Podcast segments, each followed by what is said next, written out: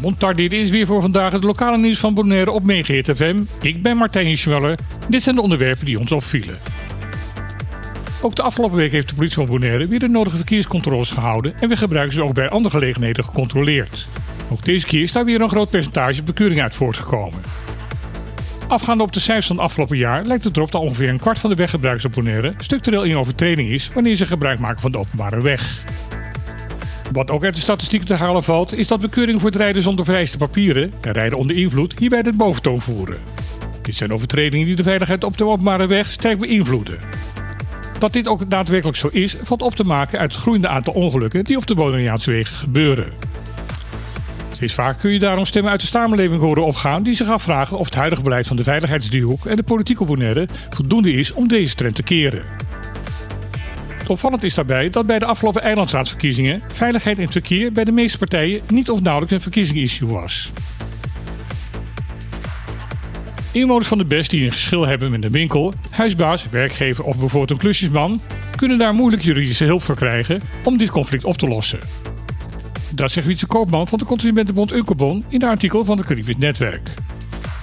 Koopman zegt dat in Europees Nederland voor dit soort gevallen al lang geleden het juridisch loket is opgericht.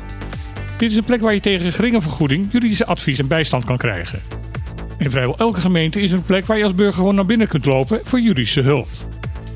In Caribisch Nederland bestaat deze mogelijkheid niet en moet je voor juridische geschillen gelijk bij een advocaat aankloppen en die zijn duur. Er is wel een mogelijkheid wanneer je echt heel weinig verdient om bij RCN een extra toeslag te vragen voor juridische kosten. Maar de procedure hiervoor is omslachtig en deze bijdrage is zo laag dat de meeste advocaten in de BES niet bereid zijn om daarvoor iets te doen. Daarom kiezen de meeste inwoners van de eilanden om hun verlies maar te nemen en dus hun recht niet te gaan halen. Dat moet stoppen, vindt Koopman. Daarom heeft Unkebon aan minister Weerwind van Rechtsbescherming gevraagd om zo snel mogelijk met een oplossing hiervoor te komen. Voor het eerst na de COVID-crisis heeft vliegtuigmaatschappij Winair uit Sint Maarten aangekondigd om ook weer vluchten te gaan uitvoeren op de Nederlandse eilanden. Het gaat in eerste instantie om twee vluchten per week tussen Bonaire en Sint Maarten met een tussenstop op Curaçao.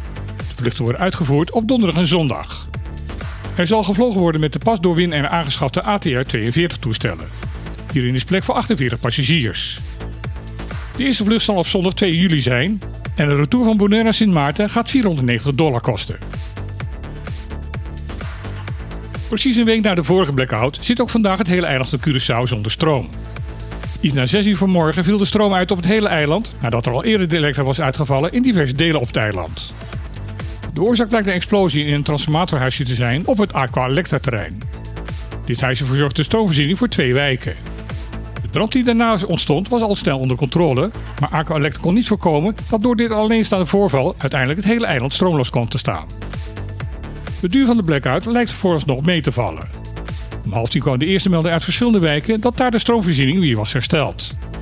Bij de samenstelling van dit bulletin was de stroomvoorziening nog niet op heel Curaçao hersteld. Aqua Electra heeft aangekondigd later vandaag hierover een persconferentie te houden. Het bedrijf worstelt al jaren met een instabiel elektriciteitsnetwerk op het eiland. Ondanks allerlei goede voornemens, veel beloftes en extra geld, is het nog steeds niet ingeslaagd om de situatie drastisch te verbeteren. Dit was weer de lokale nieuws van vandaag op FM. Ik wens iedereen nog een spanningsvolle dag toe. En dan heel graag weer. Tot morgen.